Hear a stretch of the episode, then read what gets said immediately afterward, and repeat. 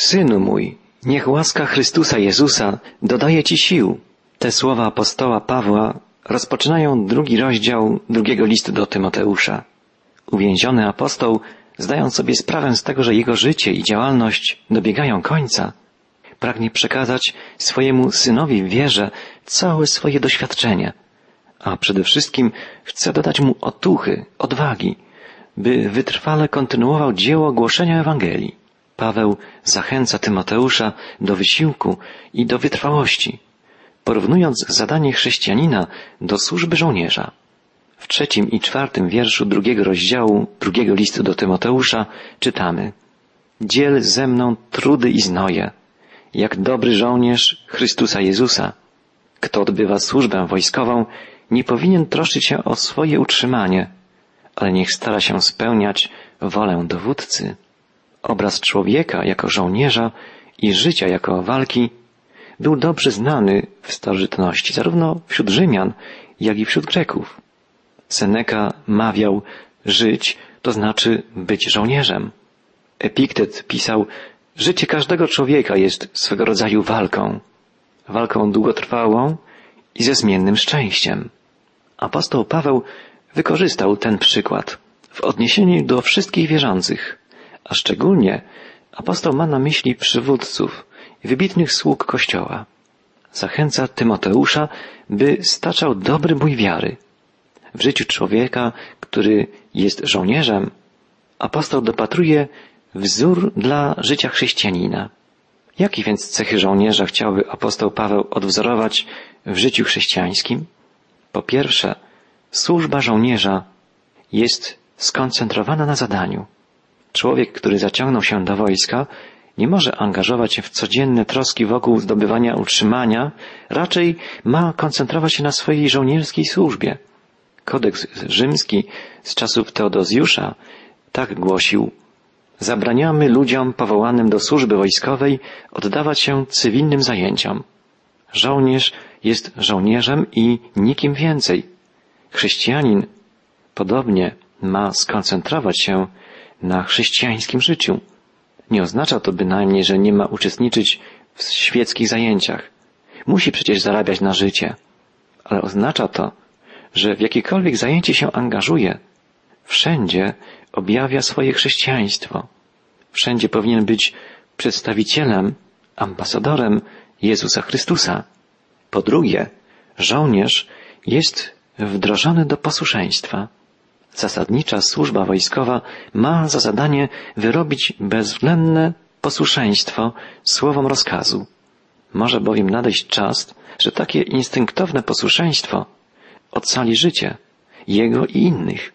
W pewnym znaczeniu nie należy do żołnierza rozumowanie dlaczego. Uczestnicząc w walce nie ma wglądu w całość sytuacji. Decyzję musi pozostawić dowódcy, który widzi całe pole bitwy. Tak więc obowiązkiem chrześcijanina jest posłuszeństwo wobec Boga, wobec Jego głosu, wobec Jego słowa i wyrażanie zgody również na to, czego nie rozumie. I po trzecie, żołnierz zaprawiany jest do poświęceń. Wojna, krew, rany, śmierć to jest coś, z czym musi się liczyć. Chrześcijanin musi zawsze być gotów poświęcić siebie, swoje pragnienia i swój los dla Boga i dla swoich bliźnich. Po czwarte, żołnierz musi być lojalny. Kiedy rzymski żołnierz wstępował do armii, składał sakramentum, czyli przysięgę wierności cesarzowi. Dzisiaj także żołnierze składają przysięgę. Ktoś zapisał rozmowę pomiędzy marszałkiem Fochem i pewnym oficerem w latach wojny 1914-18, czyli w czasie I wojny światowej. Marszałek tak mówił: Nie wolno wam się cofnąć. Musicie utrzymać się za wszelką cenę. Przerażony oficer odpowiedział: To znaczy, że musimy wszyscy umrzeć. Właśnie tak, odpowiedział marszałek. Najwyższą cnotą żołnierza jest wierność aż do śmierci. Podobnie chrześcijanin musi być wierny Chrystusowi, niezależnie od okoliczności. Nawet gdyby zaistniała taka sytuacja, że potrzebna będzie ofiara jego życia. Wielu chrześcijan nie ulękło się śmierci. Zachowało wierność Chrystusowi w walce o zwycięstwo Ewangelii. Taka lojalność, taka wierność powinna cechować także nas. Po przytoczeniu przykładu żołnierza dla ukazania, kim powinien być chrześcijanin, apostoł rysuje następnie obraz zawodnika walczącego o prymat w swojej dyscyplinie sportu. W piątym wierszu czytamy Również zawodnik nie zdobędzie laurów, jeśli walczy niezgodnie z przepisami. Apostoł podkreśla, że zawodnik nie zdobędzie wieńca laurowego, nagrody, jeśli nie walczy zgodnie z przepisami walki. W greckim oryginale listu występuje tu zwrot atlein nominos. Stosowany był do zawodowców w odróżnieniu od amatorów w zapasach. A więc zawodnik, zapaśnik, którego zwano nomimos, był człowiekiem, który wszystko koncentrował na swojej walce, na przygotowaniu do niej, a potem na prowadzeniu walki zgodnie z regułami. Nie była to dla niego rozrywka w wolnym czasie, jak dla amatora. Było to raczej poświęcenie angażujące cały czas dla przodowania w obranej dyscyplinie walki. Znaczenie tego przykładu jest podobne jak w wypadku żołnierza. Życie chrześcijanina ma być skoncentrowane na celu, tak jak życie zawodowca skoncentrowane jest na walce. Chrześcijanin w wolnym czasie to sprzeczność pojęć bo całe życie wierzącego człowieka ma być dążeniem do wprowadzania prawd Ewangelii w czyn. Jakie więc cechy zawodnika ma na uwadze apostoł Paweł przede wszystkim? Zawodnik ma być człowiekiem poddanym dyscyplinie i samodyscyplinie. Musi przestrzegać reguł walki. Przedtem musi przestrzegać rozkładu treningów. Nie może pozwolić niczemu w tym przeszkodzić. Przyjdą przecież dni, kiedy chciałoby się mu opuścić trening, trochę pofolgować, trochę się rozluźnić, ale nie wolno mu pofolgować dyscyplinie. Nie wolno mu dać sobie luzu. Przyjemności i rozkosze, którym chciałby się oddać, musi odrzucić, odsunąć od siebie. Każdy zawodnik, który chce dojść do wysokiej klasy, wie, że nie może pozwolić niczemu przeszkodzić w swoim treningu w przygotowaniu się do osiągnięcia pełnej sprawności fizycznej. Taki jest cel. To będzie miało zasadnicze znaczenie w czasie jego walki. W życiu chrześcijanina także musi być obecna samodyscyplina. Pobywa tak, że łatwa droga staje się dla nas pociągająca. Jesteśmy kuszeni, żeby pójść na łatwiznę, żeby obniżyć poziom. Chrześcijanin nie może na to sobie pozwolić. Musi stale się ćwiczyć, aby nigdy nie opuścić się w dążeniu do posiadania duszy czystej i silnej w Jezusie Chrystusie. Po drugie, zawodnik, zapaśnik to człowiek, który przestrzega przepisów zawsze. Zawodnik nie może wygrać, jeśli nie stosuje się do zasad walki.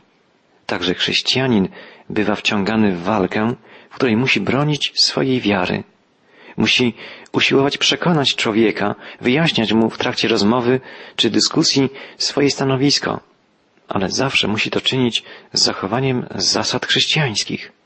Bez względu na to, jak gorąca może być ta dyskusja, nie może on odstąpić od uprzejmości.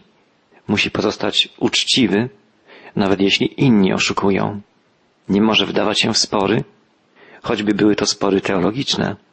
Prawdziwy chrześcijanin wie, że jego zadaniem jest okazywanie miłości i będzie wnosił miłość w każdą życiową sytuację, w każde działanie i w każdą rozmowę. Obraz, który rysuje apostoł Paweł w swoim liście, ma potrójny wymiar. Najpierw widzieliśmy postać żołnierza, potem sylwetkę zapaśnika, a teraz apostoł pisze o rolniku. Czytamy w wierszu szóstym i siódmym Plony należą się przede wszystkim tym, którzy pracują na roli w pocie czoła. Staraj się zrozumieć, Tymoteuszu, co ci mówię, a Pan da ci pojąć sens tego wszystkiego. Zastanówmy się, jakie cechy rolnika chciałby apostoł widzieć w życiu chrześcijanina? Często rolnik musi zadowolić się następującą kolejnością wydarzeń. Najpierw intensywnie pracuje, a później czeka na plony. Bardziej niż w innych dziedzinach pracy musi nauczyć się nie oczekiwać natychmiastowych wyników. Również chrześcijanin musi umieć pracować i czekać. Musi często zasiewać dobre nasiona słów w sercach słuchaczy i nie ogląda szybkich efektów.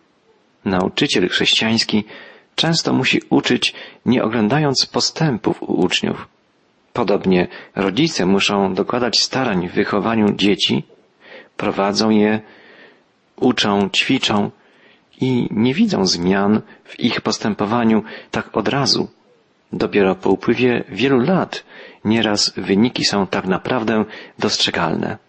Bywa tak, że ktoś stoi przed wielką decyzją, czy wysiłkiem jakimś przekraczającym siły, wydawałoby się niemożliwym do wykonania, i nagle w jego umyśle zaświta usłyszane kiedyś Słowo Boże, jakiś przebłysk nauk rodziców.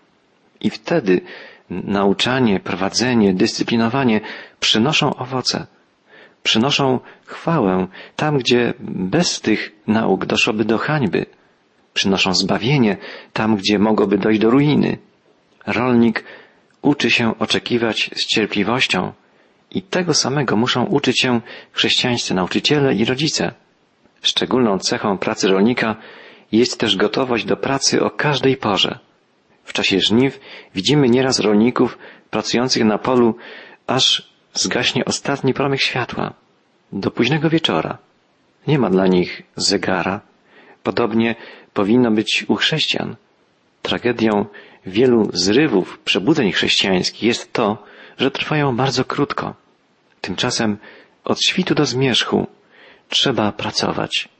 Zadaniem chrześcijanina jest bycie nim przez całe swoje życie.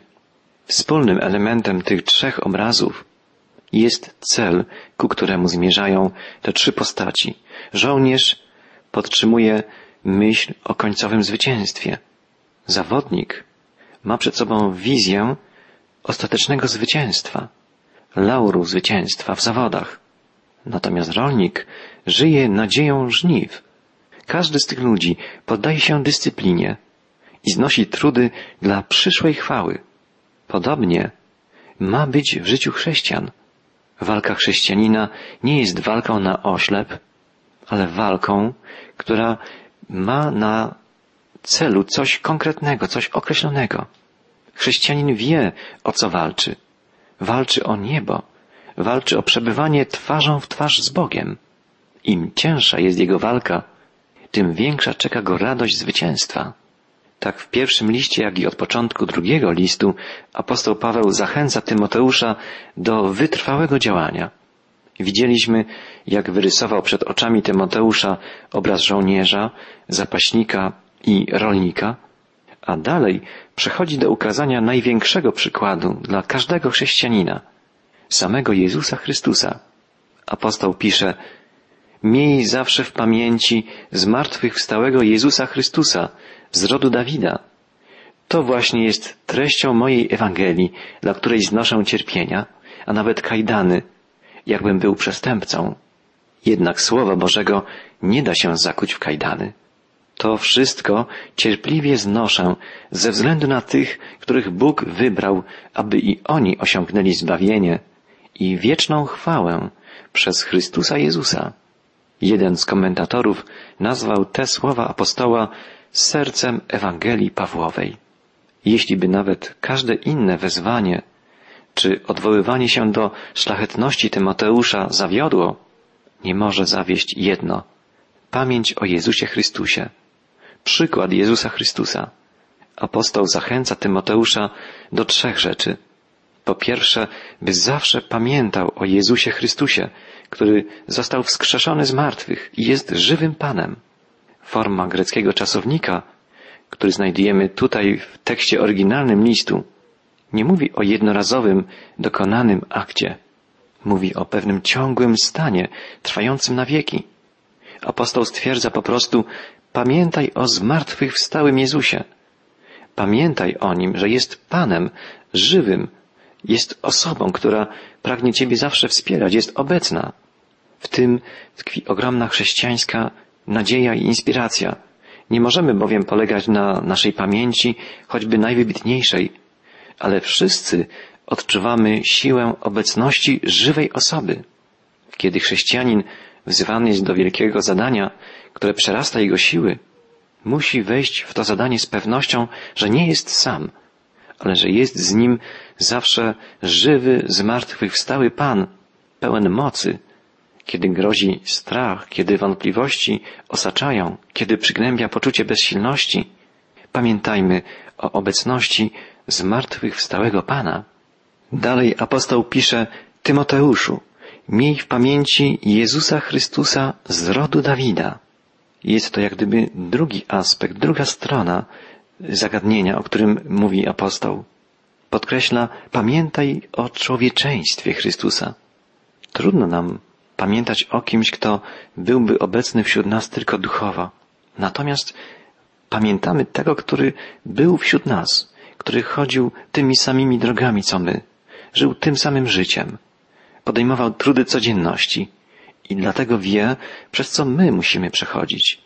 Mamy więc pamięć nie tylko o uwielbionym Chrystusie, o Duchu Chrystusowym, ale mamy także pamiętać o Jezusie jako postaci historycznej, o Chrystusie jako o człowieku, który żył na ziemi, żył codziennym życiem i był posłuszny Bogu, aż do gorzkiego zakończenia. Dalej, po trzecie, apostoł wzywa Tymoteusza, pamiętaj o Ewangelii, o dobrej nowinie, którą Ci powierzono. Nawet gdy Ewangelia wymaga od nas bardzo wiele, nawet kiedy zmusza nas do wielkiego wysiłku, który czasem wydaje się ponad nasze możliwości i kieruje nasz wzrok ku przyszłości, która wydaje się nieraz ciemna od niebezpieczeństw różnego rodzaju. Pamiętajmy, że jest dobrą nowiną, nowiną o ratunku, o zbawieniu i że świat czeka na tę dobrą nowinę. Jakkolwiek ciężkie wydawałoby się zadanie stawiane przez Ewangelię, właśnie ona jest poselstwem uwolnienia od grzechu, poselstwem o zwycięstwie nad wszelkimi okolicznościami, w których żyjemy, my i wszyscy nasi bliźni, wszystkie pokolenia w historii ludzkości. Tak więc apostoł wzywa Tymoteusza do wytrwałej, heroicznej walki o zwycięstwo Ewangelii. Do takiej walki powołany jest nie tylko Tymoteusz i nie tylko chrześcijanie pierwszego kościoła. Do walki takiej powołany jest każdy z nas. Sił w tej walce dodawać nam może świadomość, że u naszego boku znajduje się zmartwychwstały Pan, Zbawiciel świata, Jezus Chrystus. W rozważanych przez nas słowach drugiego rozdziału listu zawarto jest nie tylko wezwanie skierowane do Tymoteusza, ale także znamienna wypowiedź o samym apostole. Przeczytajmy jeszcze raz ósmy, dziewiąty i dziesiąty wiersz drugiego rozdziału, drugiego listu do Tymoteusza. Miej zawsze w pamięci zmartwychwstałego Jezusa Chrystusa z rodu Dawida. To jest właśnie treścią mojej Ewangelii, dla której znoszę cierpienia, a nawet kajdany, jakbym był przestępcą. Jednak Słowa Bożego nie da się zakuć w kajdany. Wszystko to cierpliwie znoszę ze względu na tych, których Bóg wybrał, aby i oni osiągnęli zbawienie i wieczną chwałę przez Chrystusa Jezusa. Pomimo, że apostoł przebywa w więzieniu, nie jest wcale przerażony, jest daleki od rozpaczy. Dwie myśli podnoszą go na duchu. Po pierwsze, jest pewien, że chociaż sam jest zniewolony, to nic nie potrafi zniewolić Bożego Słowa. Dosłownie apostoł pisze, że nic nie potrafi związać Słowa Bożego. Tak, można zniewolić człowieka, ale nie da się zniewolić prawdy. Można uwięzić kaznodzieję, ale nie słowo, które on głosi. Poselstwo jest zawsze większe od człowieka. Prawda jest zawsze silniejsza od tych, którzy ją niosą. Apostoł Paweł był w pełni przekonany, że rzymskie władze nie znajdą takiego więzienia, w którym mogłoby się pomieścić Boże Słowo. Jest faktem stwierdzonym historycznie, że gdyby wysiłek ludzki był w stanie zniszczyć chrześcijaństwo, już dawno by ono zginęło. Jednak ludzie nie potrafią zabić prawdy, nie potrafią zniszczyć tego, co jest nieśmiertelne.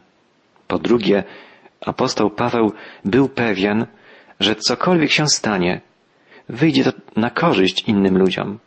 Jego cierpienia nie były bezsensowne, bezcelowe. Krew męczenników zawsze była nasieniem Kościoła, a blask stosów, na których palono wierzących, zawsze był zarzewiem ognia, którego nie dało się ugasić. Jeśli ktoś cierpi dla chrześcijaństwa, dla Chrystusa, niech wie, że jego cierpienie ułatwi drogę komuś, kto dopiero nadejdzie. Gdy cierpimy ze względu na sprawę Ewangelii, wtedy niesiemy jak gdyby cząsteczkę ciężaru krzyża Chrystusa i wnosimy jakby naszą małą cegiełkę w budowanie Jego Kościoła, Jego Królestwa.